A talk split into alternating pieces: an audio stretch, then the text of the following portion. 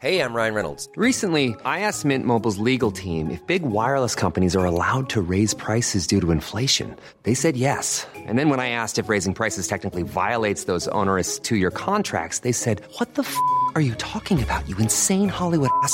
F- So to recap, we're cutting the price of Mint Unlimited from $30 a month to just $15 a month. Give it a try at mintmobile.com slash switch. $45 upfront for three months plus taxes and fees. Promo rate for new customers for limited time. Unlimited more than 40 gigabytes per month. Slows. Full terms at mintmobile.com. Hey, it's Danny Pellegrino from Everything Iconic. Ready to upgrade your style game without blowing your budget? Check out Quince. They've got all the good stuff shirts and polos, activewear, and fine leather goods, all at 50 to 80% less than other high end brands. And the best part? They're all about safe, ethical, and responsible manufacturing. Get that luxury vibe without the luxury price tag. Hit up quince.com slash upgrade for free shipping and 365 day returns on your next order. That's quince.com slash upgrade.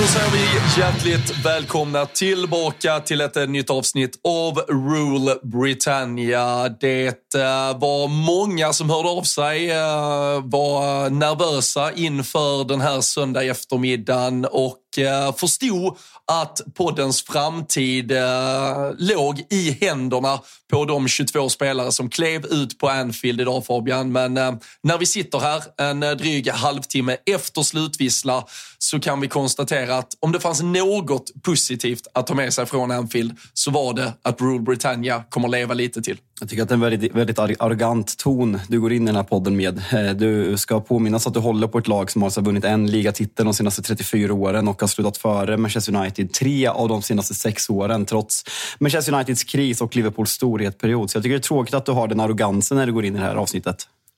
Ja, det är klart att Roy Keane ska parafraseras också efter eh, en minuts eh, poddande och att ni är tillbaka. Är ni tillbaka on the perch efter att ni har tagit 0-0 på Anfield? Nej, låt mig vara väldigt tydlig att eh, från när vi tog den 19 titeln så är vi back on the perch och vi har varit på perchen sedan dess. Så det är fortfarande 2019, så där står vi, där står vi stadigt faktiskt. Ja, fy fan.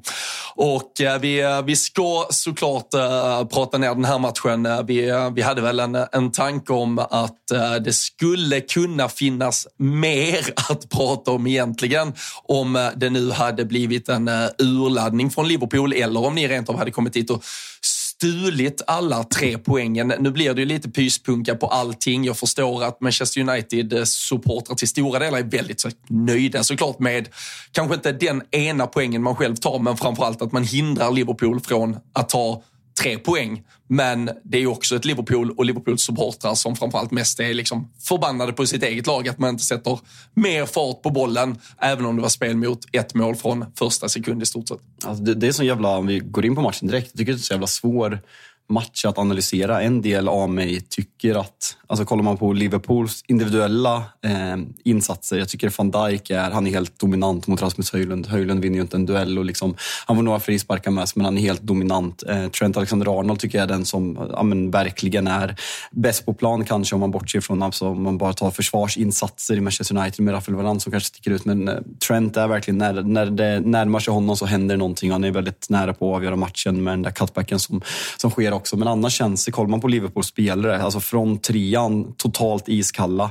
Centrala mittfältet, alltså ändå, ja, han gör det väl okej, men sticker inte ut. Gravenberg sticker inte ut. Soboslaj som hade en otrolig start, har verkligen stagnerat i form och är iskall den här matchen. Så det känns så konstigt att man sitter och kritiserar Liverpools spelare och känner att de är iskalla när de fortfarande är totalt överlägsna Manchester United den här, den, den här matchen. Sen samtidigt så är det är inga hundra, alltså så här, det är klart att spela om den här matchen tio gånger så vinner Liverpool majoriteten, men det är inga sådana här solklara, solklara målchanser. Det är mycket så slumpchanser eh, som, som kommer upp. Det är nästan så att Garnachos eh, friläge som Trent mirakulöst eh, får en fot på. Det är typ matchens klaraste målchans. Nu blir det ingen målchans, men om du fattar vad jag menar med liksom ja, men ett höj, klart höj, läge. Höj, ja, Höjlunds friläge är ju, det är ju matchens eh, bästa chans. Sen kan man väl argumentera för då att Trent när han, som du, om det är den du också refererar till, att när han liksom kommer med höger insida mm. och trycker dem mot bortre stolpen, den, den går väl till slut bara någon millimeter utanför. Så det är klart, den, men och där gör ju egentligen inte ens Onana ett ingripande. Men Onana behöver, nej men han behöver ju aldrig svettas i den här matchen. Han gör ju inga, alltså det är inte så att han står på huvudet och att han hindrar Liverpool. Sen är vi väl uppe, vi tickar väl upp på, vad fan var det till slut, 34 skott mot mål. Det var väl flest i en Premier League-match sen jag såg något med United mot ett Burnley 2016 eller någonting. Men det är ju precis som du säger, det är ju aldrig riktigt farligt. Och man hörde ju på Klopp också att han var ganska frustrerad över att vi tog väldigt mycket avslut i ja, men fel lägen. Att vi blev lite för stressade lite för tidigt. Den här tron på långskotten. Han, han gick ju tillbaka till den där Fulham-matchen här för, är det, fan, är det bara förra veckan? Nej, det är två veckor sedan. Uh, när vi, när vi gör fyra stycken, ja men när det är fyra stycken långskott och så sa han att det var ju fantastiskt då, men han sa att han kände nog redan då att det kan komma en dag där det kommer tillbaka och biter oss lite i röven. Att vi får en övertro på vår skottkapacitet. Många lägen, hade vi haft lite kyla, spelat den på överlappen, hittat en cutback. Vi, alltså, vi hade kunnat vara lite kyligare i boxen. För så länge vi var utanför straffområdet, då står ju, alltså, där står ju ni och är, där är ni ju briljanta. Alltså, det är svårt, alltså, jag förstår att ni vill något annat på sikt med hur ni vill spela fotboll. Ni ska nog inte stå och spela fotboll på det sättet ni gjorde ikväll. Men alltså, Rafa Baran, precis som du är inne på, det, det, det blir ju smått surrealistiskt att han inte har varit ordinarie i det här Manchester United-laget när han står och ja, men styr och ställer långa stunder mm. på Anfield i ja, men hela den här matchen. Ja, och vad heter det, alltså, det är ju alltså, intressant med Manchester United. Det, det får väl ställa, lägga över frågan till dig egentligen. Hur mycket kan man kan man någonstans vara kritisk att det är så fruktansvärt dåligt? Att, liksom att man inte kan...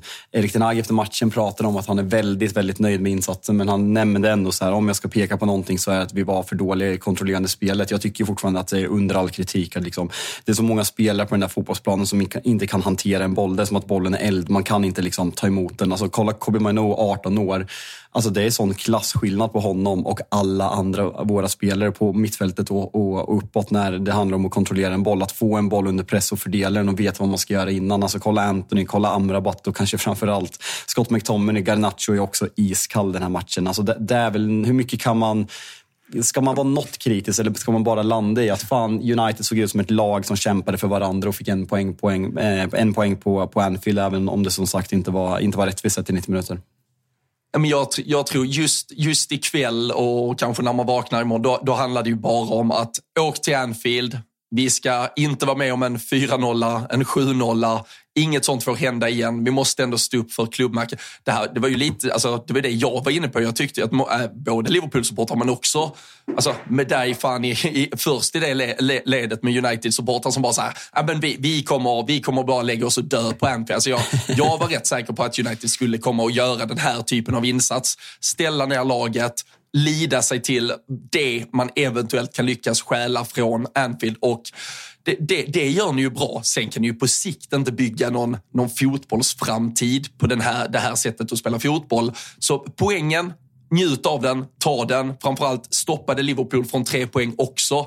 Men det finns såklart någonting farligt i om Jürgen Klopp står efter den här matchen, när matchen har sett ut som den har sett ut och han någonstans ska försvara Liverpool för en svag insats medan Erik Ten Hag kan stå efter eh, på en press, eller när han möter pressen efteråt i alla fall och prata om en ganska, ja men alltså en insats som lovar någonting för framtiden. Att det här var United tillbaka på något sätt. Det här kan vi bygga på. För alltså som du är inne på, at the end of the day, vi spelar ut det fullständigt. Sen var vi inte ja. skarpa nog och utnyttjar inte det. Men de här sakerna du pratar om, ett mittfält som inte kan kontrollera boll, yttrar som inte får fast bollen. Allt det där gör ju vi hundra gånger bättre än alltså, återerövringen. Alltså, ja, återerövring är det väl, men alltså, counterpressen som, som Klopp pratar Alltså vann vi boll, ni vann boll och skulle sticka iväg. Vi vann ju nästan tillbaka den, alltid spelade oss ur väldigt mycket situationer. Sen blev det för stillastående, det var inte tillräckligt fart i slutändan. Men sett över alltså, 90 minuter fotbollsmatch så var ju Liverpool helt överlägsna där ute. Så det är ju farligt om United ändå tror att det här är steget framåt. Men poängen och energin kanske kan ge något för framtiden. Ja, men verkligen. Och vad, vad, vad, vad skulle jag vara inne på? Att det är där jag reagerar kanske mest på den här, kanske framförallt den första halvlek. Andra halvlek tycker jag ändå vi gör helt okej okay och skapar, alltså både Garnachos och, och Höjlunds läge, där det är även något läge precis innan utvisningen i slutet, där om det är Rashford som slår bollen bara stenhårt längs backen, mm. där det, liksom, ja, men det kan uppstå en chans nu. Liksom. Grepp ja, ja. efter halmstrån här. Men om man jämför med Ole Gunnar Solskjaer, som jag var väldigt kritisk till i stort sett hela tiden efter hans första, de tre första dopade månaderna, eller månaderna, jag kan inte ens prata idag, ehm, som vanligt. Eh, jag, eh, nej då, han var ändå ganska framgångsrik i framförallt de här stora matcherna, även på bortaplan. Och vi vann ju otroligt mycket. Vi slog Premier League-rekord i antal raka vinster på bortaplan under Ole Gunnar Solskjaer, ja. eller om det var matcher, utan, matcher i rad utan förlust, om det var typ 19 stycken. Det var ju för att vi, var, vi hade en spelidé, vi låg ganska lågt och det var därför Harry Maguire var så framgångsrik i Ole Gunnar Solskjaers Manchester United, för att han inte liksom behövde stå så högt upp och få spelare som sprang bakom honom. Men han hade ju en plan hur han ville göra i omställningarna och det saknar jag i den här matchen. Sen går det som sagt peka på individuell kvalitet. De här tre som ska göra det. Det finns ingen Bruno Fernandes där som ska slå bollarna. Det finns ingen Marcus Rashford till vänster och Anthony tweetade jag om eh, ännu en gång. Eh, Anthony är bra att slå in öppna dörrar på Twitter. Like-raket varje gång. och Höjlund, Höjlund hade fyra touch i första halvlek såg jag ja, ja, nej, fy fan. Vi, vi kommer ju komma, jag såg, eh, de var väl inne på det i Viaplay-studien. Det finns ju en, en annan ytter från det där Ajax-laget som också har kommit till Premier League, i Mohamed Kudus. Det eh, känns som det är lite mer fart på honom och han behövde inte kosta en miljard heller, eh, nej. om man då jämför med Anthony. Men, men och det var ju det som var, alltså, där var jag ju ganska taggad. Jag satt ju och var väldigt rädd under matchen just bara för att får vi inte hål på er nu och ni slänger på Marcus Rashford. Mm. Alltså jag, jag förstår din eh, och United-supportrars syn på att han har underpresterat liksom, grovt under hela den här hösten. Men där finns ju ändå hotet, där finns ändå X-faktorn. Och jag måste, alltså, Visst, nu, nu kommer Rasmus Höjlund till ett läge, men helvete vad han ser iskall ut där ute på planen. Ja, jag hade nästan, om man nu vill ge plats åt både Garnacho och eh, Anthony, då hade jag ju spelat Rashford som nia i den här matchen. Bara hålla sig runt, runt van Dijk, runt Konate, hugga lite på det, vara den som istället sticker ner. Speciellt med tanke på att båda era yttrar gärna vill gå inåt i banan så hade han kunnat komma från, från en central position, löpa ut i de eh, fickorna som öppnas. Men eh, där det var, alltså ni extremt start. Och det, det håller jag helt med om. Alltså ni, med, med Ole Gunnar till och med, Mourinho vissa gånger när han valde approach till matcher, då fanns det ändå en tydlighet och rak, alltså någon form av rak väg mot mål när man vann boll. Det har ni ju inte alls igen nu, så det är väldigt lätt för Liverpool att ändå behålla alltså trycket på er hela tiden. Ni kom aldrig riktigt till någonting. Uh, vilket ni nog hade behövt. Som I alla fall om den här matchen hade pågått en timme till, då hade ni nog behövt vila någon gång i offensiven också. Det fick ni ju typ aldrig göra. Nej, det hade varit jobbigt. Jag, jag känner fan, det är inte så jävla kul att prata om den här matchen. Det, det kommer liksom bli, det, det, var en jävligt tråkig match. Men jag har två saker jag vill ändå så här snackisar som jag ändå vill ta upp. Och jag börjar ju att citera Roy Keane där, där van Dijk står och säger efter matchen att Eh, det var bara ett lag som kom hit för att vinna och att de är bassin för den här poängen. Och Roy Keane blir lack och kallar det här respektlöst för att han är arrogant och han kan inte säga så när han representerar en klubb som har vunnit en ligatitel på 34 år. Kommentar?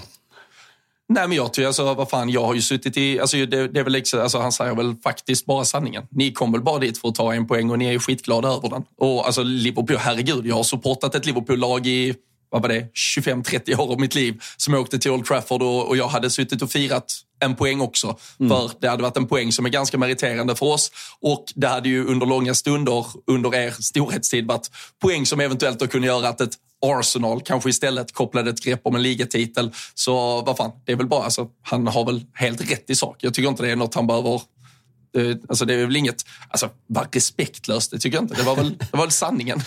Alltså, alltså, alltså Roy, Roy Keane är inne på det du är inne på också. Att liksom, alltså, Liverpool har kommit till Old Trafford när, när han har mött dem så många gånger. Och liksom United ja. åkte till Anfield även när United var bra och Liverpool var dåliga och varit nöjda med en poäng. Men han pratar ju om arrogansen och så här. Det enda jag kan köpa är så alltså Liverpool som klubb, att jag ser en arrogans bland supportrar och spelare och tränare för en klubb som har vunnit så lite på så kort tid. Och som någon skrev, United har alltså slutat före tre gånger de senaste sex åren den trots den här krisen. Sen har Liverpool tagit jävligt mycket mer poäng, men jag tycker att han är helt snett på bollen om man bara är inne på van Dijks, eh, van Dijks intervju här. För alltså, så här, han ser bitter ut och det är han. Alltså, för han vet ju hur mycket mm. bättre Liverpool är i den, här, i den här situationen och vad det krävs för att vinna Premier League. Alltså, de, här, jag... de här poängtappen kan vara kostsamma och Arsenal, som vi ska komma till snart, kanske stod för enligt mig den mest imponerande insatsen de har gjort den här säsongen. Eh, så det kommer krävas mycket och speciellt när City tappade också.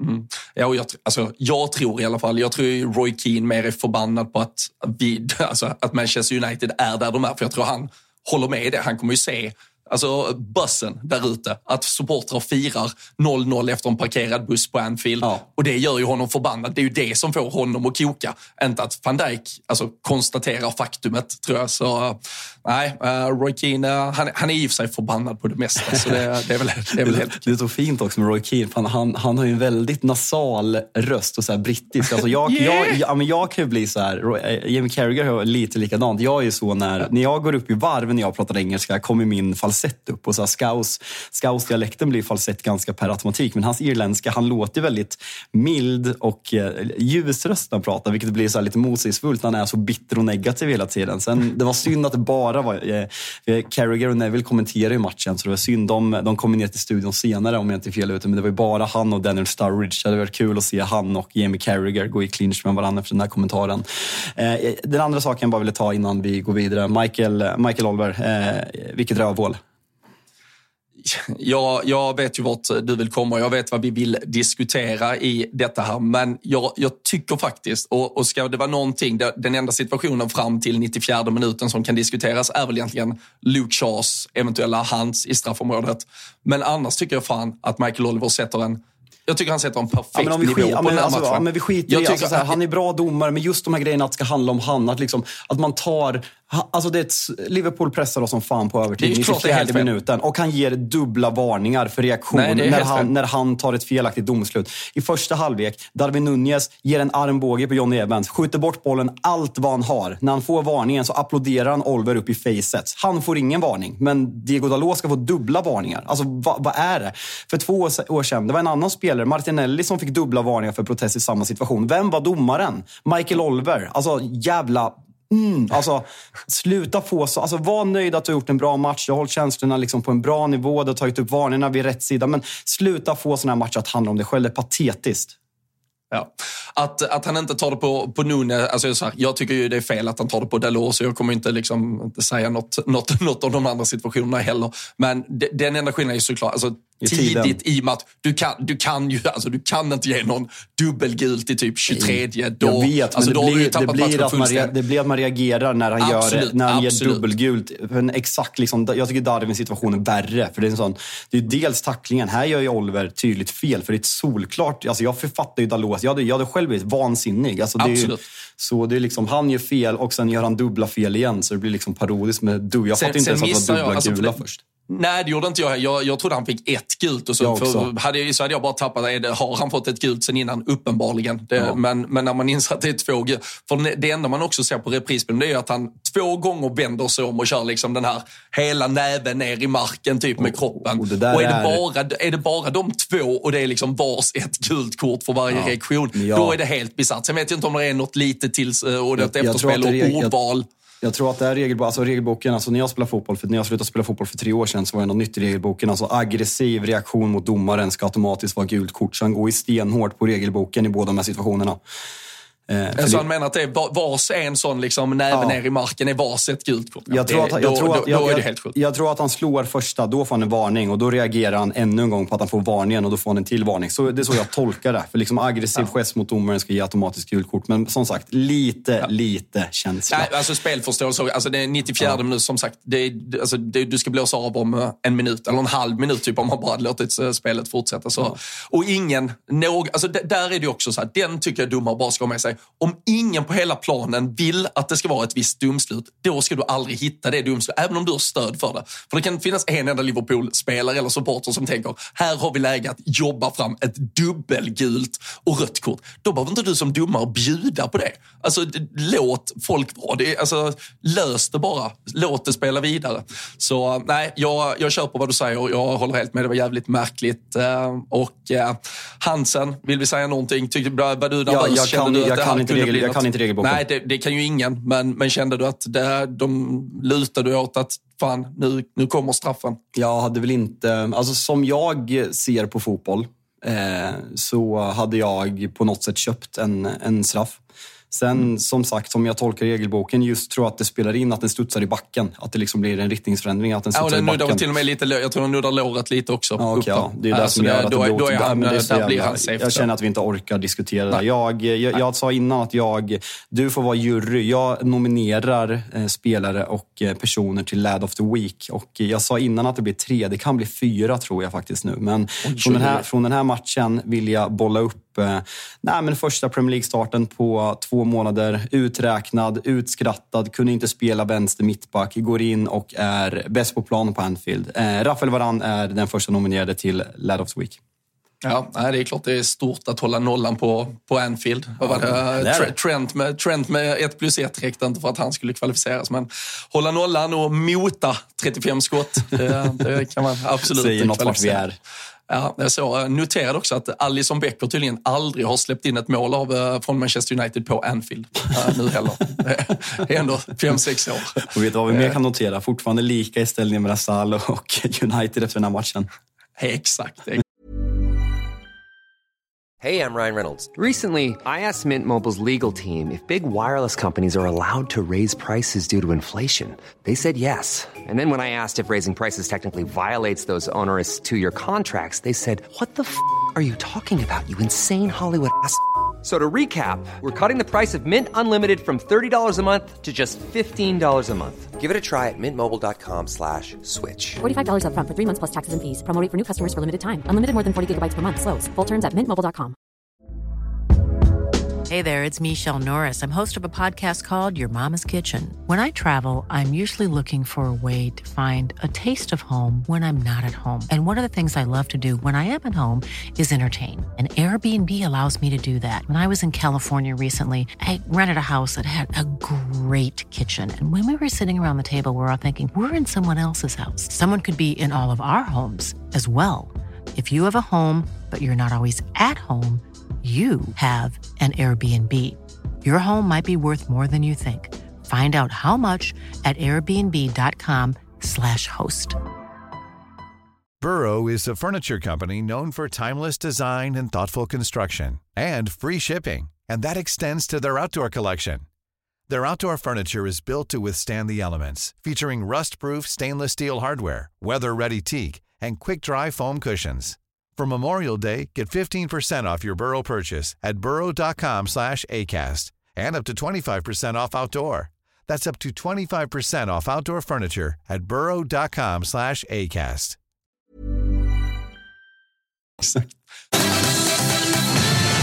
Vi lämnar Liverpool, Manchester United därhän. Eh, Jag tycker vi går tillbaka helt eh, kronologiskt och eh, jag tror fan vi kan hitta en nominerad till Lad of the Week redan från fredagskvällen också. Det, stämmer. var ett Tottenham som var på City Ground i eh, Nottingham. Och eh, förutom att det, det kom att bli Dejan Kulusevskis eh, stora kväll, men på förhand var ju detta mycket uppsnackat för Brennan Johnson, supertalangen som kom från Nottingham. Pappa Johnson där har ju också spelat typ så 150 matcher för Nottingham. Nu stod han i away end tillsammans med tillresta Tottenham-supportrarna. Brennan Johnson eller? kom... Vad sa du? Ovärdigt eller? Nej, vad fan. Är det det? Här sätter, inte, här, här, liksom- sätter, jag- här sätter jag ner foten. Är det Fool of the Week-läge på Ja, Brennan Johnsons farsa? Nästan. Nej, Nominerad. tycker jag inte. Jo, en av tre. Nominerad. En av tre. Ja, okej. Ja, okej, absolut. Ja, men jag kör på det. Men eh, det betyder ju att eh, Dejan Kulusevski inledde den här matchen eh, mer som en eh, tia och eh, sen då så fick det ju ett blodigt slut där på Brennan Johnson. Det small ihop med Billy Bolli, fick kliva ut efter en halvtimme typ och då kom ju spelfördelargeniet Oliver Skip in centralt på mitten istället. Kulan ut till höger och därifrån så var det fan eh, stor show. Ett, eh, fan, säsongens bästa inlägg vill jag nog fan påstå att det är när han snärtar in den till Richarlison. Att komma så nära målvakten men ändå hitta anfallsspelaren och det är fan bara en meter från mållinjen i stort sett när Richarlison bara skarvar den vidare. Och, eh, jag tycker att Kulusevski hela matchen alltså driver på. Han är den som står för energin i det här Tottenham-laget. Vi har berömt det tidigare. Han, eh, han ligger rätt i det här pressspelet som gör att han vinner tillbaka en boll som sen gör att han kan dunka in. Det är svagt av Turner både i uppspelsfasen och i kanske ingripandet sen när han ska försöka stoppa och mota skottet. Men, ja, men Dejan Kulusevski, fan, det var, det var hans eh, fredagkväll på alla sätt och vis. Och eh, dessutom då firandes med den berömda bollen innanför tröjan. Så vi kan väl gratulera honom till kommande tillökning också när vi ändå är igång. Ja, alltså jag, jag är ju mer fan av Bebetos från eh, VM 94. Vaggan mot Holland i eh, kvartsfinal tror jag att det är. Ehm, är, är frågan är, vaggan, är den när barnet har fötts eller? Alltså rent krasst borde det vara det. Alltså det här bollen är mer för att visa graviditeten. Men Bebetos, den är, den är fin. Det är Romario, Bebetos, en någon tredje brasiliansk spelare i kvartsfinalen mot, eh, mot Holland. Möter ju... Fan, Ja, fan, men- vad den tre, fan vad den tredje gubben aldrig kommer bli ihågkommen. Han Nej. är bara den tredje gubben i vaggan. Ja, verkligen. Alltså det, det är ett snyggt mål också efter...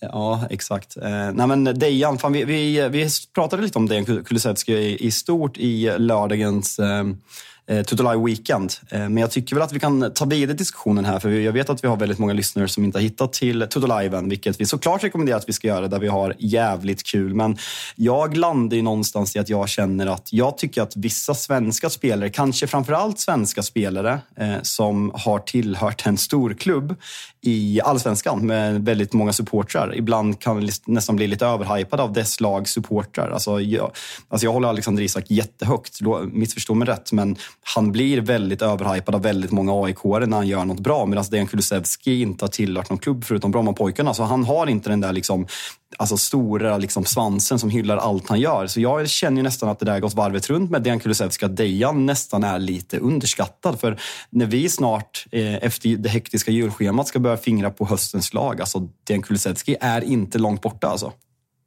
Nej, nu, nu är det ju, till trots för formdippar hit och dit, så är det ju alltid emot att Mohamed Salah spelar högerytter och eh, är bäst i världen på den positionen. Kanske, eller. Men eh, jag hör vad du säger och eh, jag håller helt med dig. Jag tycker eh, bakom Salah och Saka så, så håller jag honom som eh, den tredje bästa högeryttern i Premier League. Och eh, där finns ju där finns en Bowen, där finns en Pedro Neto och man kan väl argumentera för en Mohamed Kudus nu som eh, flyger fram. Anthony. Aston Villa, Aston, ja, absolut. Aston Villa har ju både Leon Bailey och Diaby som kan spela från den positionen. Så det, det är klart att det finns många andra bra, men just också sättet han har ja, men på ganska kort tid anammat eh, ja, men, talismanrollen i detta Tottenham. Visst, de, de är ett par, tre stycken som delar lite det- den stora ansvarsbördan. Men jag tycker att Kulusevski, han är ju alltid den som är kvar till 97 minuten på planen. Det är I stort sett alla.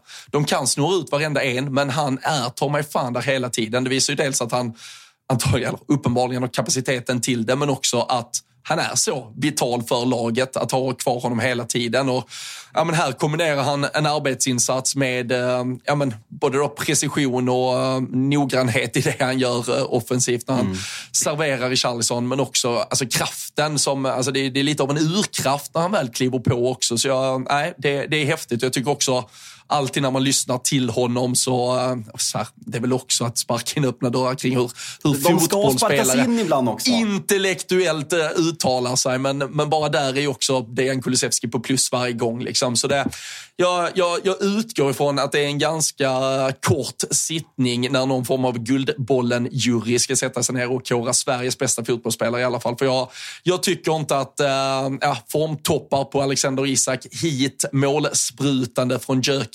dit och Jag utgår ifrån att ingen annan ens är aktuell. Så det är en Kulusevski, Sveriges bästa spelare och eventuellt en Lad of the Week den här veckan också. Fan, ska man kanske kika, om jag, om jag bara liksom bollar upp tanken här. Liksom, nu sitter jag och försöker lajva mitt eh, höstens lag. Om man försöker flytta in Dejan lite i en fri tia-roll där han har spelat ändå ganska mycket sen, eh, sen Madison skadad. Alltså har du något så här solklart motbud? Alltså Soboslaj, jävligt bra Nej, nej, i början. nej, nej, alltså har, ja, nej, har försvunnit, ja, exakt, har försvunnit bort senaste, senaste två månaderna. Eh, kollar du Manchester United, Bruno Fernandes ska inte nära den positionen. Kollar du Newcastle, har väl ingen direkt spelare i den positionen. Eh, Arsenal, Ödegård har gjort en svagare säsong än tidigare. City har haft rotation på den Foden, har spelat där, men absolut. Ja, fan, jag, Dejan är du- inte långt borta alltså. Ja, du vet ju vem som faktiskt ska in där. Det är mannen som har gjort fyra mål på de sju senaste matcherna. Det är Kai Havertz. Åsne-älskaren Kai Havertz. Det är så fint, det är så fint nu när, när Pierre inte är med i podden idag. När vi kan liksom, han är, ju- Nu kan han vi är- hylla Kai Ja, lite. exakt. Han har ju hotat oss att vi inte får säga något bra, men nu får vi faktiskt säga att eh, vi har varit positiva till Kai hela tiden. Alltså, nu har han hittat sin roll och man ser att det är en väldigt intelligent spelare som Arteta hade en tanke för hela tiden när han värvade honom till den här positionen och att han kommer på andra löpningarna väldigt, väldigt snyggt nu. Så det är kul för, för Kai som känns som en väldigt fin människa med sin åsnefarm hemma, i Tyskland. Exakt. Vi, eh, vi, ska, vi ska komma till, eh, till Arsenal fram till. Jag måste, måste fan bara föra till eh, det berömda protokollet. Jag var tvungen att bildgoogla lite snabbt. Det är för fan Massinho som är eh, tredje gubben. Det är ju faktiskt Thiago i eh, Liverpool. Ah, det är hans hans pappa. farsa. Ah, okej. Jajamän. Så Ah, eh, det är absolut. Och det är kul att se Thiago. Alltså, fan, man har ju glömt att han spelar fotboll. Nej, nej. Ah, jo, kanske. Det är, fan inga, det är inga karbonkopior direkt. Men, eh, Men det är två kan spel. vissa, vissa. Thiago är en av två spelare som jag liksom... Alltså, Luis Diaz pappa kidnappades ju. Jag är lite inne på att Thiago och eh, Lavia, att de är kidnappade Mm. eller någonting. För de verkar ju inte finnas. Nej, alltså, jo men det är faktiskt, eh, Thiago har ju varit tillbaka. Alltså, för första gången förra veckan så var det i alla fall en bild på honom på Du har, sett, du har träningsanläggningen. sett en bild. Du är säker på att den Ja, inte är nej, gammal? Han, ja, men han satt ju också på den här eh, liksom, spelare som är utanför truppen, bänken precis bakom avbytarna idag. Bredvid Ah, Robertson och, och någonting. Så han är väl... Och, fan, nu sidospår och nu spekulerar vi. Men det, den här bilden på träningsanläggningen, att Mm. han nu var tillbaka och syntes på Anfield. Allt det här kom en vecka efter ungefär att hans fru la ut en bild på deras eh, nyfödda, jag tror det var en dotter, kan ha varit en son. Men eh, de har tydligen fått tillökning. Och jag börjar bli lite så här, har det kanske varit en jävligt problematisk, alltså, för han har ju varit skadad sedan länge men de har inte uppdaterat kring någon skadefrånvaro. Nej. Så jag är lite så här, är det personliga, har han varit liksom off för att det har varit strul med något annat? Nu spekuleras det vid, men jag har fått en känsla av att Thiago liksom är tillbaka på något sätt eh, sedan eh, en vecka ungefär. Så eh, vi får väl se. Det är ju en uh, jävla fotbollsspel. På tal om toppar men också dalar. Så vi får väl se skum, om han någonsin... skum. Ja. Alltså, den höjden han hade i Bayern München och sen han är ju faktiskt riktigt bra i den våren när ni går till Champions League-finalen. när Ni nästan tar Mm. kvadruppen. Eh, det glömmer man faktiskt bort. Innan vi går vidare från fredagens match, Steve Cooper. Det är dags nu va? Ja, alltså han verkar ju, alltså, det är ju inte nio liv där. Alltså, vi är uppe på, jag vet inte, 12, 13, 14. Finns det något annat än de berömda kattliven man kan referera till när man går över den där linan? För, men han verkar ha något speciellt med, med både fansen, med den här grekiska. Alltså, de, de verkar vara Ja. rätt jävla nöjda med honom. Så då, det, det är ju inte så att det det kommer bildas en mobb eller att folk står på barrikaderna och vill ha honom därifrån. Så det är ju snarare, tror jag ändå, ja. Och som vi har återkommit till så jävla många gånger för. Det finns en så tydlig botten i den här jävla Premier League-tabellen. Så Nottingham kanske reder ut det ändå. Och är det något annat än att bara reda ut det man kan förvänta sig av Steve Cooper? Jag vet inte. Nej. Eh, vi går vidare till en kvällsmatchen på, på lördagen känner jag. Och innan vi går in på matchen så vill jag nominera det tredje alternativet till Lad of the Week. Mäktiga jävla Sean.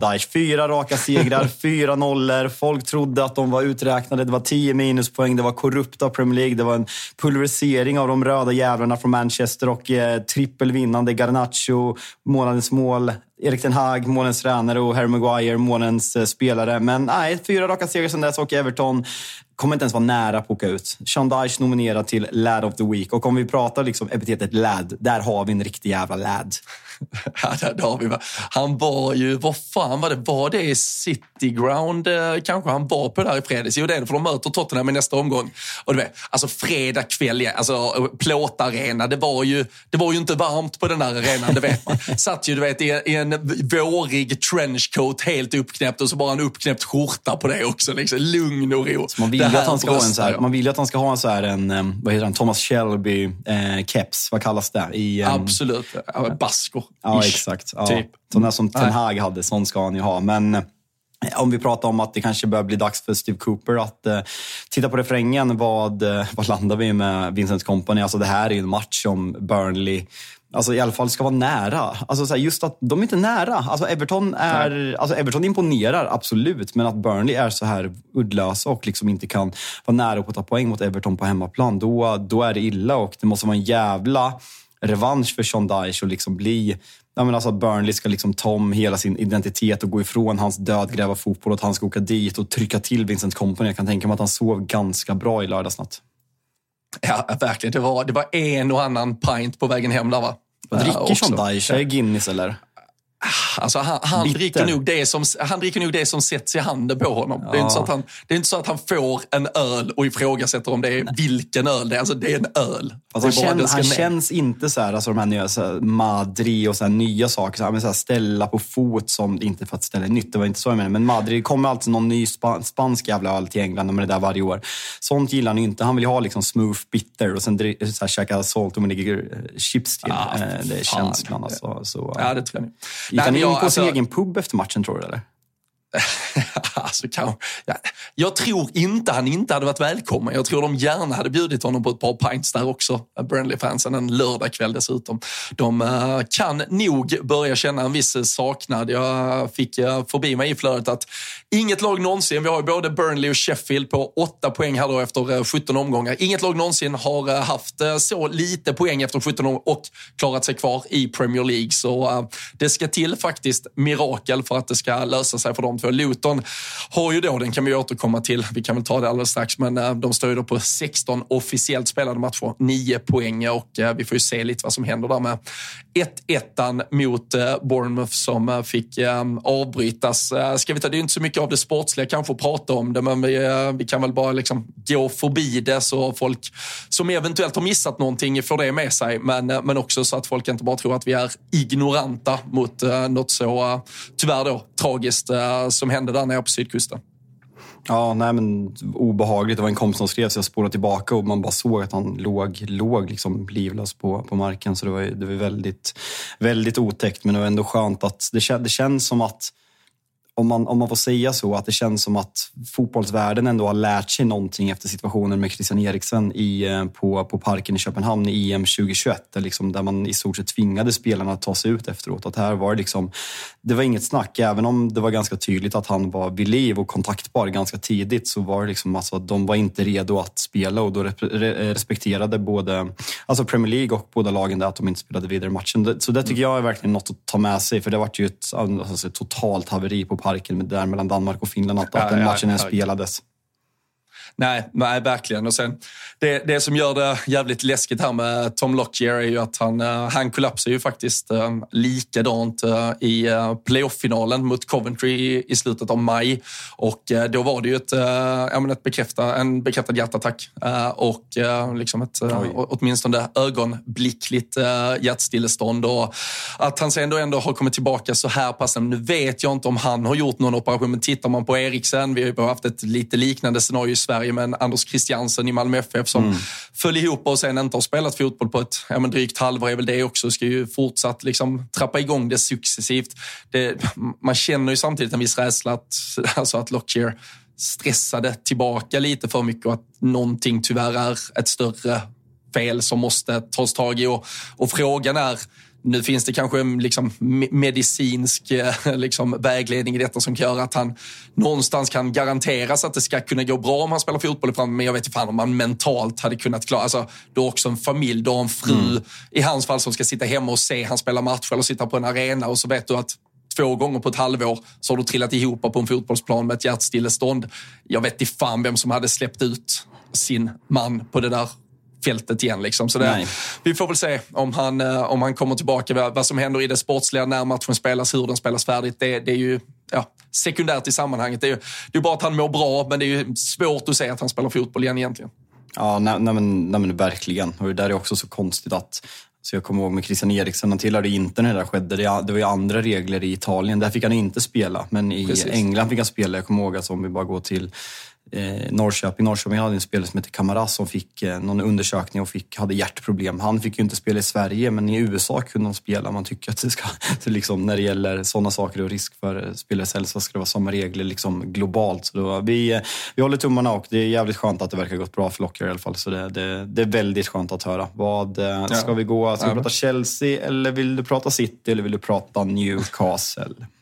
Alltså helst av det vill jag väl nog uh, prata till. Vill, vill faktiskt och det, det, det är ju liksom absolut inte LAD-kompatibelt på något sätt. Men jag vill fan också skicka hyllningar i alla fall till uh, Rob Edwards, uh, Lutons tränare som var ute liksom gick verkligen ett lugnt och sansat ärva. Gick verkligen och applåderade, tackade alltid. Och, alltså Bournemouths fans, spelare, deras medicinska personal. Det, de, de, de, blir inte, de blir inte veckans lads, men de ska fan ha all jävla kärlek den här veckan. För det var Verkligen. cred till dem och alla där nere. Men ehm, City har vi ju eh, fan fortsatt slita vårt hår kring och inte blivit kroka, eh, kloka omkring heller vad de egentligen är på väg mot den här säsongen. Vi har pratat om de här ja, men last minute losing points istället. Man brukar prata om eh, last minute winners, men det var ganska sent mot Liverpool, det var ganska sent mot Arsenal, det var sent mot Chelsea, det var sent mot Tottenham. Och nu händer det fan i mig igen i en match som,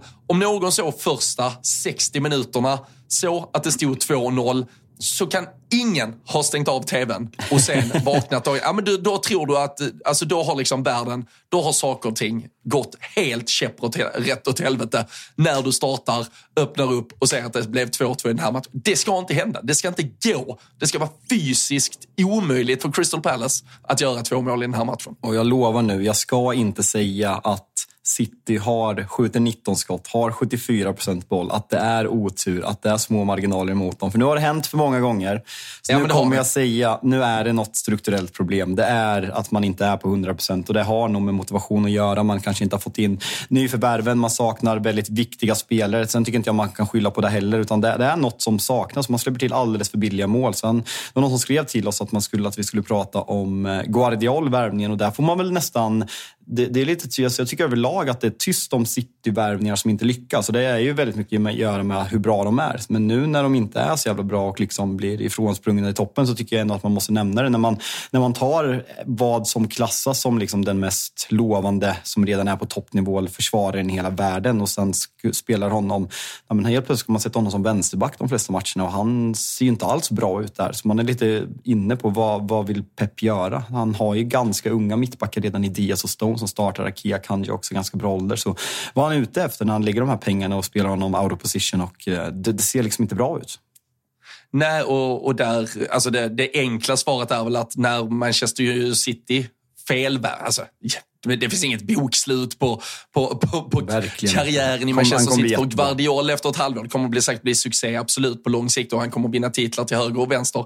Men som alltid, alltså det enkla svaret när det gäller Manchester City och värvning är ju att det spelar ingen roll om de har lagt en miljard på honom. Det spelar ingen roll att de la en halv miljard och gick åt helvete med Calvin Phillips. Det spelar ingen roll att de har lagt samma på Nunes, Kovacic, visserligen lite billigare. Mm. Men i sammanhanget. De kan ju gå fel för de kommer ta in någon ny. Alltså, Pep sitter där och säger att det har blivit fel med Calvin Phillips, han får vi skeppa i januari, vi får plocka in någon annan. Alltså, det, det är väldigt enkelt för dem att därför inte behöva... Alltså Jack Grealish för en miljard, det är klart, som, som individuell spelare och en pusselbit så, så har han ju inte varit helt otrolig i det här City. Alltså, det hade fått så mycket mer kritik i ett lag där du måste sätta dina miljardvärvningar det är ju för att truppen ser ut som den gör. Möjligheterna finns där med att ekonomiskt lappa över varje gång det går fel.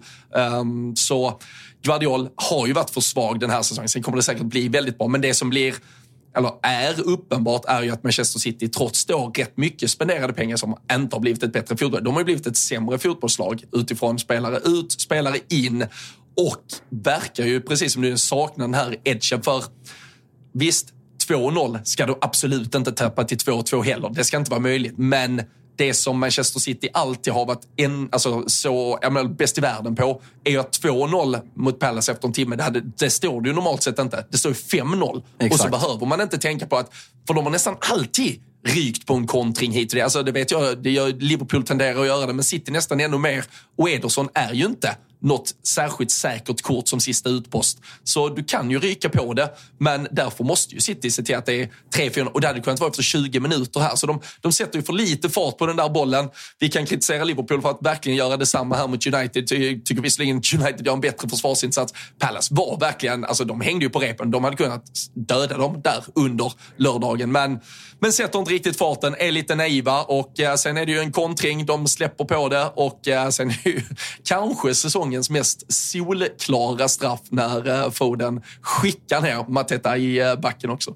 Måste ändå få den första nomineringen på Full of the Week och det är Phil Foden. För det är årets mest solklara straff och så där får man. Jag som försvarsgeneral i Rule Britannia måste ändå kliva ner och sätta ner min fot där. Så där agerar man inte i eget straffområde i 94 minuten. Så första nomineringen på Full of the Week är Phil Foden. Andra saker jag vill ta med mig med den här matchen är att City nu har en seger de senaste sex matcherna i Premier League. Eh, häpnadsväckande dåligt och den segern är alltså en 1-2-seger. Ganska tight sådant mot Luton. Så det är något som inte är rätt i Manchester City. Men som sagt, det är ett eh, Liverpool och Arsenal möts nästa match den 23 december på, på Anfield. Så kryss där samtidigt som City vinner så är de ju helt klart med i matchen. Sen måste vi även nämna, även om vi inte vill prata domarinsatser, hur i helvete är Ederson kvar på plan efter den där tacklingen?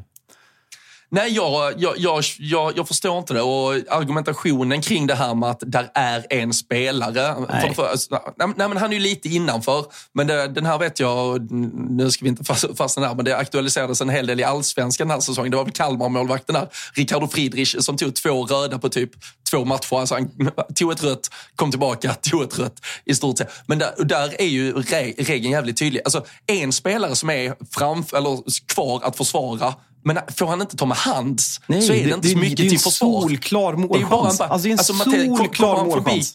Ja, det är klart det. Kommer han bara förbi där så petar han ju den mot, alltså då skjuter han mot mål och då har backen bara möjligheten att rädda den med en fot som han ska kasta upp i, i, i luften. Liksom. Så det är, nej, det, det är klart det ska vara rött kort. Alltså rent, alltså rent krasst, om, om, om du kommer fri mot en målvakt och du blir kapad, då kan det bli en målchansutvisning. Då är det svårare att göra mål mot en målvakt eftersom man får använda händerna. Att argumentet är, ja men det är en försvarare emellan. Jo, men målvakten är ju borta. Så, är liksom, du, du möter en målvakt utan händer. Nej, jag, nej, jag, jag, jag fattar verkligen inte. Det, det var väl på något sätt tur, för där leder City med 1-0 och kan få en eh, rött kort mot sig. Sen liksom City kan ju absolut hålla i, i, ihop det där ändå, men eh, fascinerande uselt och ojämn domarnivå som vanligt. Eh, Chelsea 2-0 mot Sheffield United. Misstänker att Chelsea-supportrar sitter nu och har lyssnat. Äntligen ska de få höra Fabian och Robin prata om mäktiga Chelsea efter en seger. Men nej, 2-0 mot Chelsea. Alltså det enda jag landar i är att Cole Palmer är jävligt bra och att när man kollar på City när de saknar Erling Haaland, att man undrar hur inte City kunde se vilken guldklimp de hade där. För att han är så klar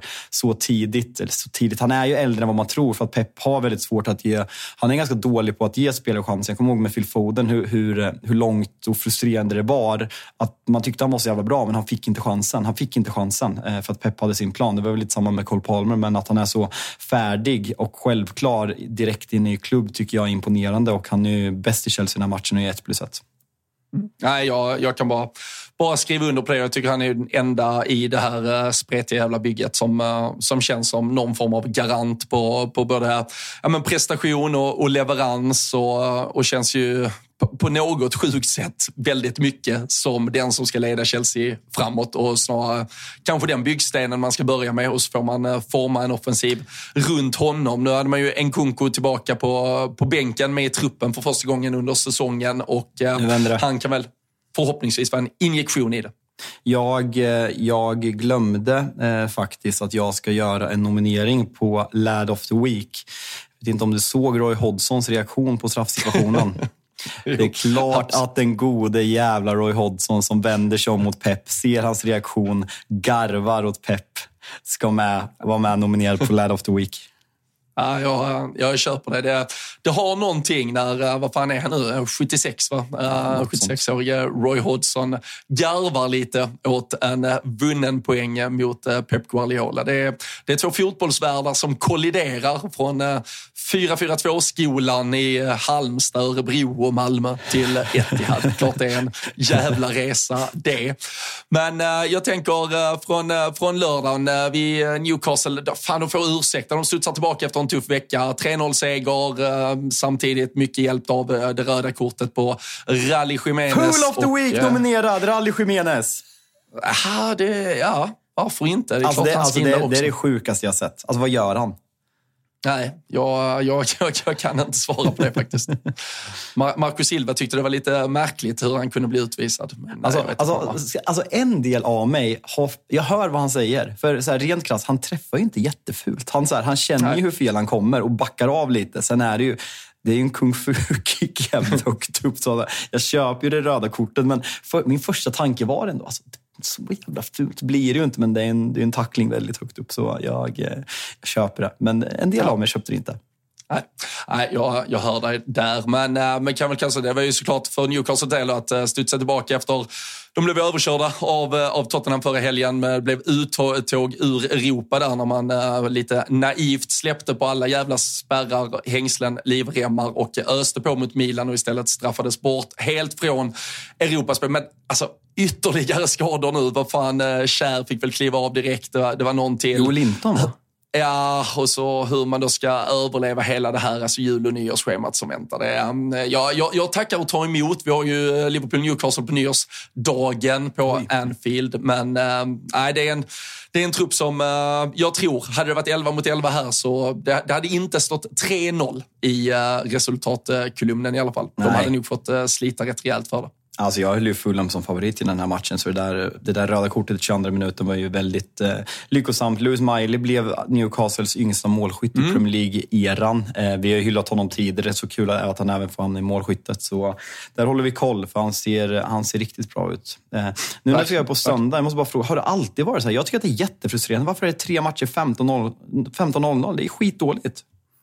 Ja, och, och framförallt, jag, jag läste, jag läste eh, britterna är ju skogstokiga. För det, alltså West Ham eh, har spelat eh, tydligen fyra stycken nu, ja, den här klockan tre-matchen då på, på söndag. Blivit tv-sänd varje gång. Så Arsenal-Brighton till exempel tv-sändes inte i England, utan West Ham Wolves var, var, var den valda tv-matchen. Det är mycket, mycket med. Alltså, vi kan ju trots allt njuta av eh, valmöjligheten här hemma. Men det, men det är trist att det krockar så mycket. Man hade fan kunnat trycka in en liten, kunde det inte varit eh, 13.30, 15.30, 17.30? Ska alltid spelas 13.30 på lördagar när Liverpool är involverade i alla fall. Fan inte i denna helgen när jag ville sitta och dricka öl efter Toto Live-sändningen. Då blir man förbannad. Kan du berätta lite om din lördag? Hur gick det? Ditt tåg från... Eh, Nej, nej det, du, du, flyg. nej, du, har, eh, du, du har hängt ut uh, olika uh, transportbolag här tidigare. Um, bra flyg.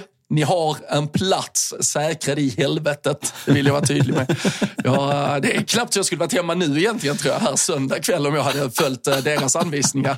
Jag satt på, ett flygplan klockan eh, kvart över fyra på Bromma som eh, visade sig att det kunde de inte starta överhuvudtaget. Så jag blev ombokad till klockan ett söndag att flyga hem istället.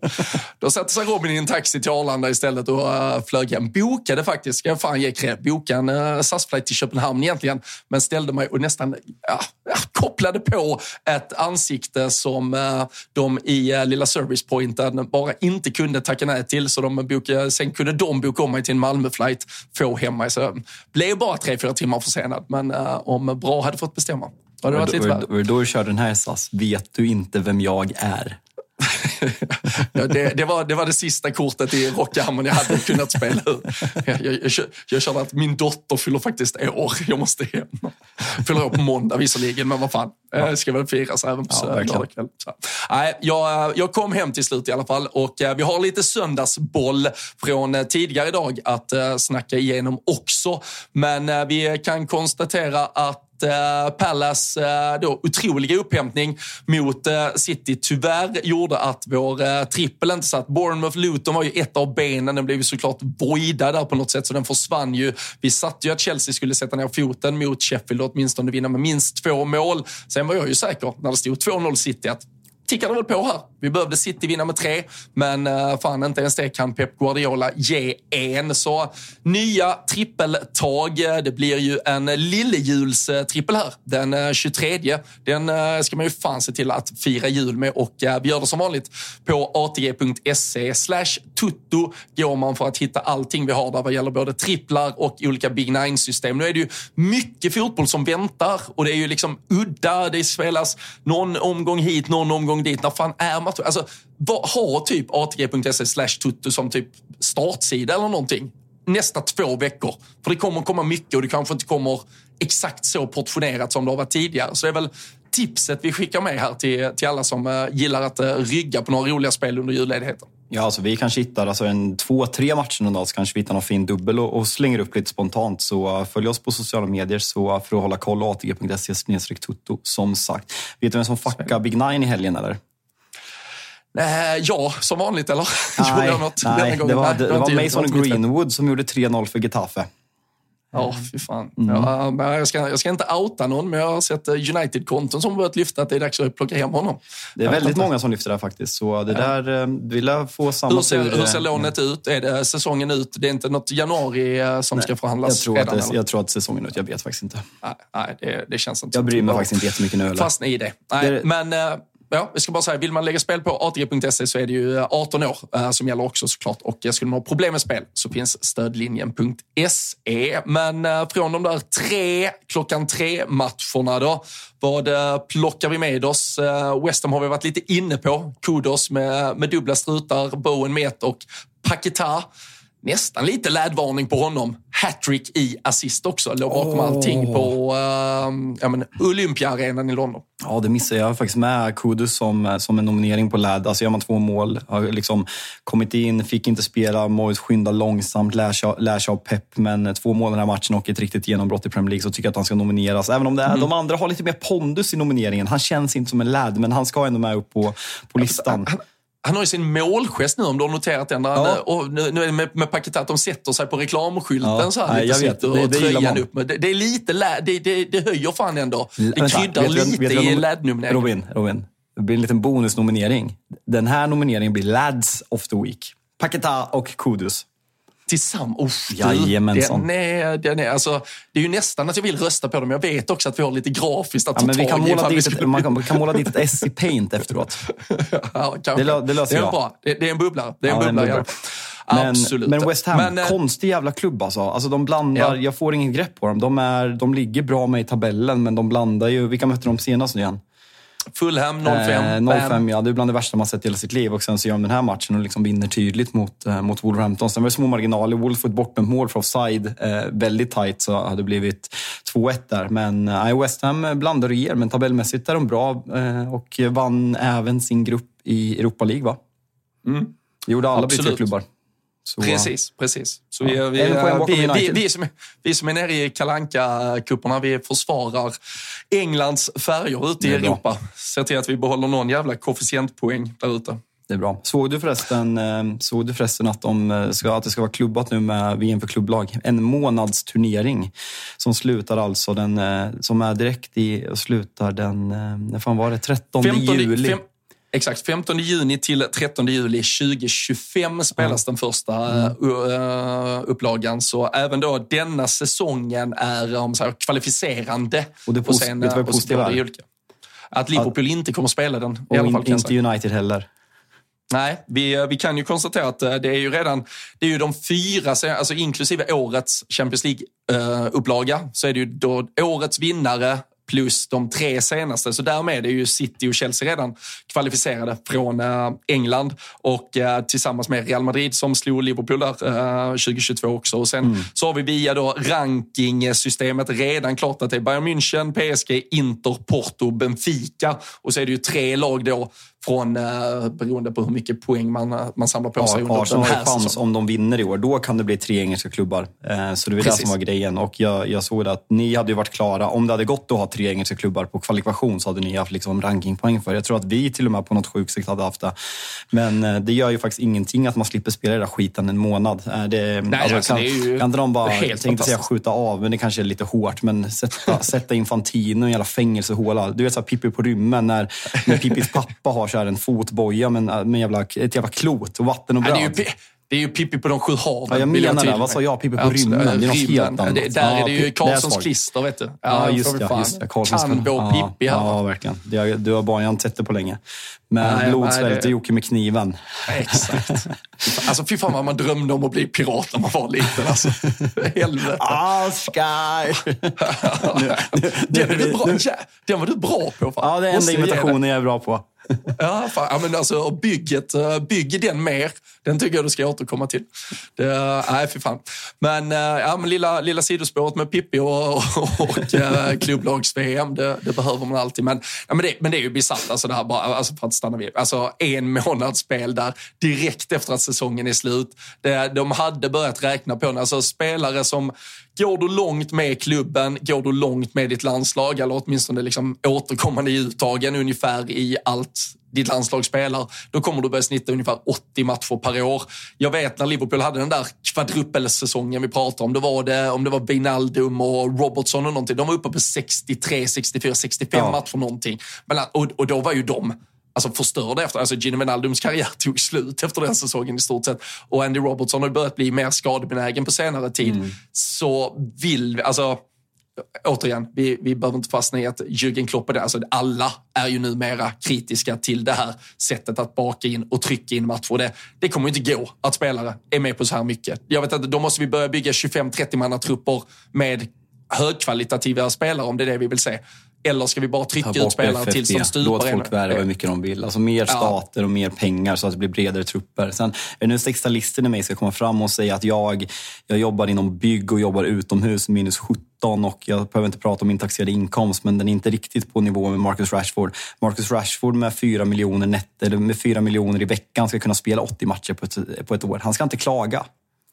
Han vet inget. Det är en, det, nej, det är, en, det är en take så god som någon. Jag, jag hör det, men vad fan, vi, jag, jag bryr mig egentligen inte för det. Alltså att de ska klara att spela klart 80 att det är matcher. Men jag, men jag hade ju velat ha bättre fotboll. Alltså jag, vill ha, jag vill ha bra fotboll varje gång jag ser på fotboll. Jag behöver inte ha mitt lag spelandes två gånger i veckan eller tre gånger i veckan. Liksom. Det, vi, vi kan andas lite. Men, eh, men, men Arsenal då? Eh, Jag snuddade vid det förut och sa att jag... eh, Ja, men fan, jag, jag har inte sett ett lag dominera Brighton på det här sättet och neutralisera Brighton. Jag vet inte hur mycket man kan lägga i att Brighton var ganska slutkörda efter en, eh, alltså en urladdning mot Marseille där man säkrade en gruppseger i 88 minuten via Pedro i, i torsdags. Men eh, Arsenal är riktigt bra här och Brighton är helt uddlösa. De har en liten 10 minuters period innan Arsenal gör eh, 2-0 där man pressar på. Gross har en superchans, men annars är Arsenal dominerar den här matchen från, från start till mål och eh, är bra. Alltså riktigt bra.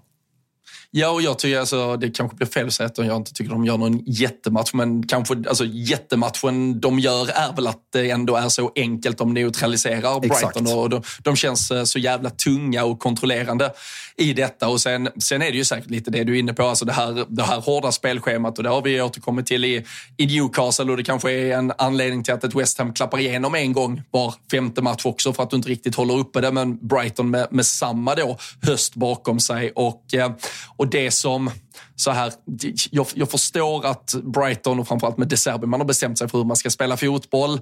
Men, men uh, jag, jag har ju ändå en, uh, jag, jag har ändå lite så här, det, det stör mig lite när du drar din spelidé till sådan förbannelse att det faktiskt inte, det finns ingen möjlighet att den spelidén kommer vara vägvinnande just den här dagen. Och när man ser ett Brighton som även efter att ha överlevt första halvlek kommer ut i andra halvlek och står och rullar boll i trianglar i eget straffområde och de orkar knappt sätta styrfart på de där pass. Alltså de orkade inte få igång ett tempo på det där passningsspelet och då är det liksom, då, då då är det bara en tidsfråga innan Arsenal kommer att lyckas. Nu vinner man i stort sett bollen och gör målet av att man har tagit den i speluppbyggnaden. Istället så kommer Brighton precis emellan, förut till en hörna och sen sätter Arsenal hörnan istället. Men, men det skapas alltså från att Brighton inte orkar rulla ur från, alltså från målvakt uppåt. Och, och någon jävla gång kanske du då, för där tycker jag till exempel Arsenal som vill göra likadant, Liverpool som vill göra likadant,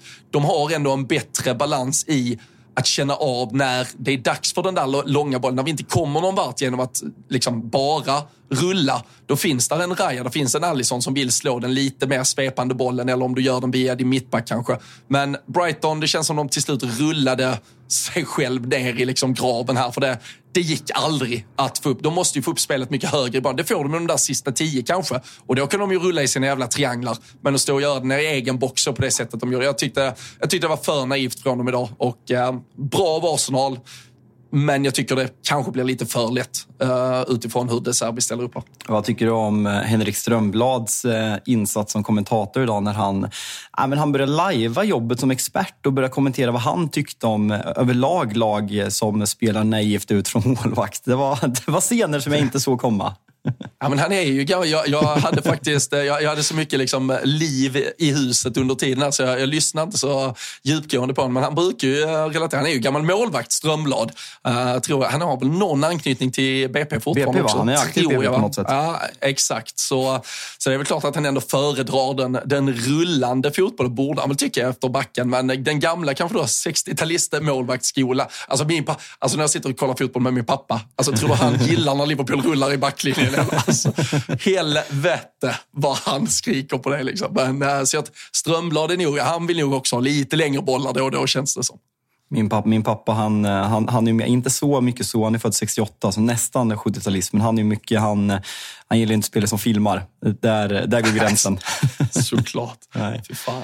Där, Nej, då, det, det, det, det, förstår jag. Men äh, vi, äh, nej, Arsenal imponerar. Serieledare just nu. En poäng före Liverpool. Du var inne på att vi har ett äh, nytt sånt där stormöte om en vecka. Fan, vilken match! Alltså, Bingolotto ja, alltså, kan skita ner sig, ursäkta, men herregud ja, men det, alltså. Alltså 18.30 och folk, alltså äh, mitt liv här Fabian, försöka planera upp något jävla julmys den 23. Tror du att det kommer att vara ett bra du, du sällskap på det? Du känns inte så ja. mysig när du kollar på Liverpool-Arsenal nej, nej, nej, nej, nej, alltså det, det, alltså det, nej men jag är, jag är vidrig. Alltså jag, jag är inte trevlig på något sätt. Men, uh, nej, nej, fy fan. Jag, får jag bara, får jag bara, jag får jag bara fråga en sak? Gällande, alltså jag vill verkligen inte provocera här, men liksom, jag vet att liksom stämningen på alla arenor går neråt och det blir mer turistinflation. Jada, jada, jada. Men att Liverpool går in på den här matchen, in i julschemat, 16.30 match lokaltid, serieledare mot största rivalmötet att det inte är bättre stämning. Alltså, sen är det lätt att man dömer från tv, men det kändes iskallt. Trent försökte typ tre, fyra gånger få igång dem, men fan, steppa upp med er. Alltså, på riktigt alltså. Och det gäller, det gäller inte bara Liverpool, det gäller alla arenor. Men jag reagerar bara extra mycket på att just den här matchen, när Liverpool går in som seriesegrare med nya kortsidan eh, i stort sett hela öppen också. Så det var typ publikrekord för Liverpool på, i Premier League i alla fall. Jag vet inte om de har publikrekord ja, från... Premier League är det. Det är väl, till, det är väl tillbaka ja. till fem, om det är, kan det vara tidigt 80-tal kanske när det var lite mer uh, liberalt kring liksom. stå. Exakt. Exakt. Men, uh, nej, men jag, alltså jag, jag håller med dig. Sen, sen blir det alltid från tv-bild när jag såg någon, jag följde med i, i det snacket att läktarna då skulle nästan legat bakom poängtappet, att de inte lever upp tillräckligt. Och så var det folk som var på plats som sa, alltså, för att vara en, det, det var, alltså, det var väl tre plus, det var väl typ så. Det, det, det var helt okej. Okay. Men det är ju framförallt det är ju ett givande och tagande. Alltså det, det, måste komma triggers. När Liverpool blir långsamma i sitt sätt att spela fotboll, när vi inte sticker in det, när vi istället drar skott som går 30 meter. Alltså det finns ju ingenting för supportrarna att riktigt tända till på. Det måste ju vara en riktigt helt målchans. Det måste ändå komma var femtonde minut kanske och så, så får det vara van Dijk som nickar i ribban eller någonting och så skanderar vi van Dijk och sen så kommer Salah in och så får han en frispark i ett farligt läge. Då, då sjunger vi om Salah. Alltså, att, att bara skrika fram ett lag i 95 minuter som så rullar som ett jävla handbollsanfall. Alltså, det, det, det, det går Nej, men det går inte. Så det, alltså, jag, jag köper kritiken, men jag, jag vet också när man är där att det måste, ge, alltså det, det måste ges och tas mer från, från spelarnas prestation och läktarna. Och då, då blir det ju symbiosen av det, samspelet i det. Det är det som skapar de stora kvällarna. Det är det som har skapat mm.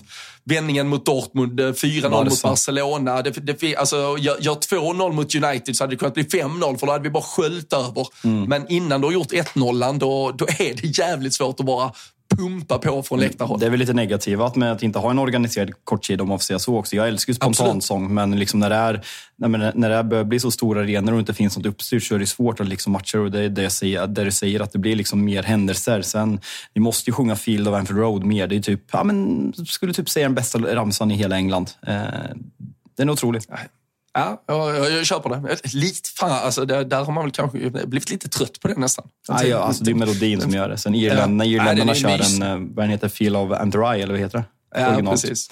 Ja, då är det, det är lite bättre. bättre ös, ja, den är helt otrolig. Ska vi bara avsluta och prata lite om eh, Brentford, Aston Villa, så att inte folk blir arga på oss. Bråk ja. i slutet. Tror du Emiliano Martinez var inblandad? jo, det var väl ganska låga odds att, att han dök upp där. Sen är, sen är det väl Kamara eh, som är den största kålsuparen till slut där och tar ett jävligt onödigt rött kort i, eh, i en eh, situation där Villa behöver väl alla spelare de kan ha. Det börjar, börjar också bli liksom ganska slit. Jag ska inte säga att den är skadeskjuten. De har ju tillräckligt. Det är väl någon spelare borta här, men det är klart att det också har varit en tuff jävla höst för dem och vi vet vad som väntar. Man har ju bland annat stolta jävla United på Boxing Day. Precis precis. Och uh, nu, uh, ja, det, det, det ska ändå, alltså, det är bara att berömma Villa igen för sättet man tar sig an detta. Men på tal om fools här så är det ju inte superklokt av Bempami att ta ett rött kort vid ledning 1-0 i den situation Brentford befinner sig i och det är offensivt straffområde, eller utanför precis offensivt straffområde. Det är nästan kanske så att han kvalar in på din lista. Nej, faktiskt inte. Jag, jag har inte tänkt så mycket på full of den, den var svår i år, i, idag, den här helgen, men jag landade i att det står mellan Phil Foden och eh, och eh, Rally Jiménez. Eh, jag ska säga det också, Mbemo borta till efter Afcon. Eh, ganska allvarlig mm. den där skadan. Missade hela Afcon alltså. Såg man inte komma. Det kändes inte alls som att det var så allvarligt när, när det skedde. Så, men, Nej, så... jag, såg, jag, jag såg på tal, alltså vi, vi, för vi nämnde ju det senast att de hade, alltså Brentford har ju tappat rejält med fart och som sagt hade, hade inför denna förlorat fyra av de fem senaste. Så nu är man ju uppe på fem förluster, sex senaste. Det blev ju en vändning till slut från Villa med gamle ville då Brentford-spelaren Ollie Watkins som av, han, han, han, han firade ganska, han var ganska glad över att sänka Brentford. Jag vet inte, det kändes eh, som att han hatade de jävlarna uh, fullständigt stort sett. Men, ja, verkligen. Och uh, nej, men där då, uh, på tal om Mbuemo, så uh, nu har man ju Tony snart tillbaka visserligen, det är ju årsskiftet och sen är han väl spelklar igen. Men det var någon som hade lagt ut en, ja, men hela truppen, om de, om de hade tagit typ en ordinarie elva, så, så var det bara, alltså då hade de bara skrivit, ja men han är skadad med det, skadad med det, skadad med det. Så det var två spelare spelare som de bara hade satt, ja men fit, alltså två spelare var, de är uh, fit just nu. Ben Mi dock en av dem, nu är han ju borta också. Men så på fläcken då i mål så hade de bara skrivit fit but shit. Så han, vill liksom, han går bort helt. Det är skitsamma att han är fit, han är bara asdålig. Så de verkar inte helt nöjda, Brentford-supportrarna, med att uh, det är så. fläcken som har ersatt Raja i det där målet. Så där kan man göra i United på ganska många spelare också. Men så, så här, Brentford, det, det, är så många klubbar. Nu är Fulham sprattat till liv och liksom gått bra senaste tiden. Men om du kollar liksom klubbarna i botten här, Brentford Brentford ja, men började bra, tagit ganska mycket poäng, men liksom med de spelarna de har borta, med Tony borta, med Mbuemo borta, känns som att de hade kunnat blanda sig i en riktig bottenstrid. Wolves, ja, men, mellanår, liksom, sålt allt och alla, men ändå gör det helt okej. Okay. Bomparna kommit igång, Pallas ganska tråkiga, gjort det svindålig form. Nottingham usla, Everton poängavdrag. Ändå så känns inte de här lagen ens nära på att åka ut för att de andra nykomlingarna är så dåliga. Så det, det, är så konstigt att analysera de här, att man skriker att man ska sparka tränare till höger och vänster och, och, och så vidare. och så vidare. Ska vi innan vi avslutar nu, ska vi, ska vi börja med att du får, eh, att du får utse Full of the Week mellan Rally Jiménez och eh, Phil Foden. Jag är nästan sugen på att vi ska välja Rally bara för att det blir en bra bild till grafiken. ja, men jag tycker samtidigt att Phil Foden är så jävla korkad faktiskt. Så jag vet, du, får, eh, du får fan bestämma. Ta du ah, Okej, okay, okay, du får ladden, jag tar Foolen. Jag tar, jag tar Rally Jiménez då. Jag, Absolut. jag landar den, Köper alltså. Phil Foden, det är, ändå, det är 94, 90, 92 absolut, men rally gör den så tidigt och liksom fulla när de är på gång. Newcastle har haft den här, den här manglingen mot, eh, mot eh, Milan och jag skadade Joel Linton utbytt, så han fuckar för Fulham rejält när han har hittat formen och är avstängd tre matcher. Så nej, Rally Jiménez full of the week. Och lad of the week, den stolta franska matadoren. Eh, fransk matador, finns de ens eller? Han känns som en matador. Varför?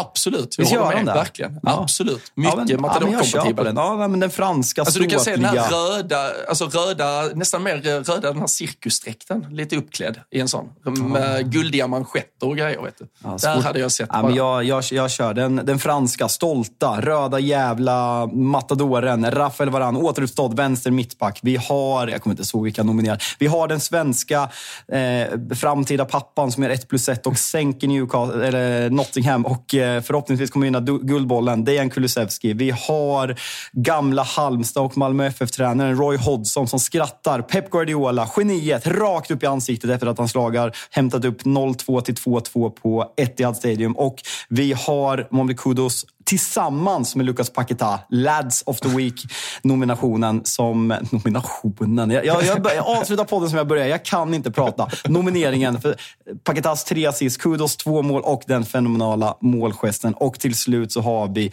Sean Dyche, minus 10 poäng, fyra raka segrar, fyra raka nollor och han gick förhoppningsvis in och drack åtta Guinness på sin egen pub efter matchen och firade med Burnley-fansen. Var landar vi? Usch, alltså det, är, det är ju en ruskig lista måste jag säga. Alltså, eh, det, det, och det, är- det är lite spretigt spår. För man kan ju gå eh, Roy Hodgson, eh, Sean Dyche-spåret all out. Eller så är det ju något lite yngre och, och piggare här. Och så är väl Rafa Varane någon form av mellanting här. Men jag, jag, jag kan ju tyvärr inte eh, ge, ge honom det. Bara för att hålla en Det, det nolla hade i varit det ett eh, tråkigaste paket. valet om vi ska vara helt ärliga. Så, så är det ju. Men jag, jag tycker faktiskt, och, och lite för att han... Alltså, jag, jag lägger ihop senaste veckornas eh, prestationer men tycker ändå det här blir någon form av eh, tip of the iceberg som eh, gör att han eh, kliver upp och ska föräras med en Lad of the Week-utnämning. Dejan Kulusevski, storform, 1 plus 1, helt vital för detta Tottenham som ändå hakar på i den absoluta toppen. Så Dejan Kulusevski, Lad of the Week. Ja, men den, eh, den köper vi. Så alltså Rally Jiménez Full of the Week och Dejan Kulusevski Lad of the Week. Fan, jag gillar det här nya segmentet. Det är kul och det är kul att sitta och nominera. Eh, Det är en Verkligen. ny favorit, eh, favoritsyssla hos mig. Och eh, som vanligt så eh, lägger vi ut de här på, eh, på Instagram under måndagen också. Så då kan man ju eh, dels eh, kolla på den bildskapelse med Rally Jiménez som, som Fabian kommer att skapa. Och så kan man ju kommentera där om man hellre hade föredragit Roy Hodgson eller tycker att vi ska gå på Lads of the Week-hållet eh, med, med en dubbel där, kudos Pakistan. Eller om det är en helt annan. Kanske missar någon. Någon som borde hängt med. Så eh, in och kommentera. Rule Britannia Podcast heter vi på Instagram. Men eh, vi har redan blivit långa. Det har varit en, som vanligt, otrolig eh, fotbollshelg från öarna. Det väntar cupfotboll i veckan. Vi är framme i kvartsfinaler av ligacupen. Port Vale, Middlesbrough. Får du att klia till lite? Nej, en- alltså, sen alltså, en och Michael tio- Carrick Masterclass. Ja, i och för sig är ju dumt. Alltså, vi, alltså, vi är 1.12 har vi spelat in jag gästar Chelsea-podden som jag sa för några veckor sedan. De körde i 2.40, så Robin, vi är inte långa. Vi, är in- det här är inte långt. Vi, vi, det, ja, men, nej, det är bara halvtid och så kör vi igen sen. En och en halv timme till. Nej, fy fan. Men, äh, nej, men Port Vale, Middlesbrough, Chelsea, Newcastle. Oj, oj, Newcastle, oj. De, får, de får fan inte vila någon gång. Everton, Fulham och äh, sen då Liverpool, West Ham. Känns ju, alltså Liverpool, äh, Everton i en äh, ligacupfinal. Hade ju inte varit helt jävla fel. du. Nej, Sean det är dumt. Ja, men vi, vi siktar väl på att spela in torsdag, torsdag morgon som vanligt. Vi, eh, vi får försöka jobba på, vi försöker jobba på en gäst. Eh, helt Ja, men det enkelt. Får se kan, vad vi... kan vara fan kan vara att jag vill ta tempen på Pierre inför Liverpool-Arsenal. Vi får se. Vi får Ja, se. Vi ja, får se. nej, men det- det är dumt. det- Skulle Vi fyller, kul. vi fyller upp i alla fall. Ja, någonting. Det skulle vara kul att höra lite, lite Newcastle-röst också. Det var länge sedan. Så vi, eh, vi, vi jobbar på det helt enkelt. Eh, Så, så hörs vi på, på torsdag. Och sen som sagt, eh, hektiskt schema. Och eh, fortsätter ni lyssna på oss, följer ni oss på sociala medier så kanske det kommer en liten julklapp där vi kommer presentera ett ganska trevligt julschema. För, för jag lovar att säga själv. Ja, men verkligen. Det kan nog eh, vara att på torsdag så släpps, eh, släpps en, en liten julklapp till alla våra lyssnare. Men den som lyssnar då, den får reda på mer. Nu säger vi till de flesta antagligen, tidig måndag morgon. Ha en fin jävla start på veckan och så hörs vi snart igen.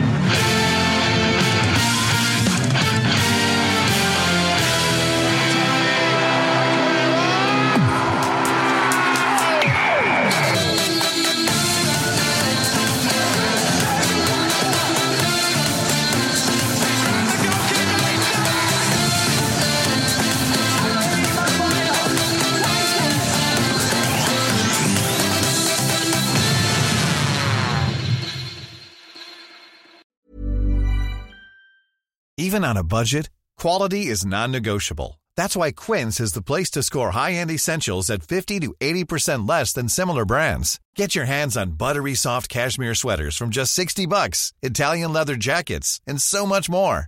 And the best part about Quince, they exclusively partner with factories committed to safe, ethical, and responsible manufacturing. Elevate your style without the elevated price tag with Quince. Go to quince.com slash upgrade for free shipping and 365-day returns. Mom deserves the best, and there's no better place to shop for Mother's Day than Whole Foods Market. They're your destination for unbeatable savings, from premium gifts to show-stopping flowers and irresistible desserts. Start by saving 33% with Prime on all body care and candles. Then get a 15-stem bunch of tulips for just $9.99 each with Prime. Round out Mom's menu with festive rosé, irresistible berry chantilly cake, and more special treats. Come celebrate Mother's Day at Whole Foods Market.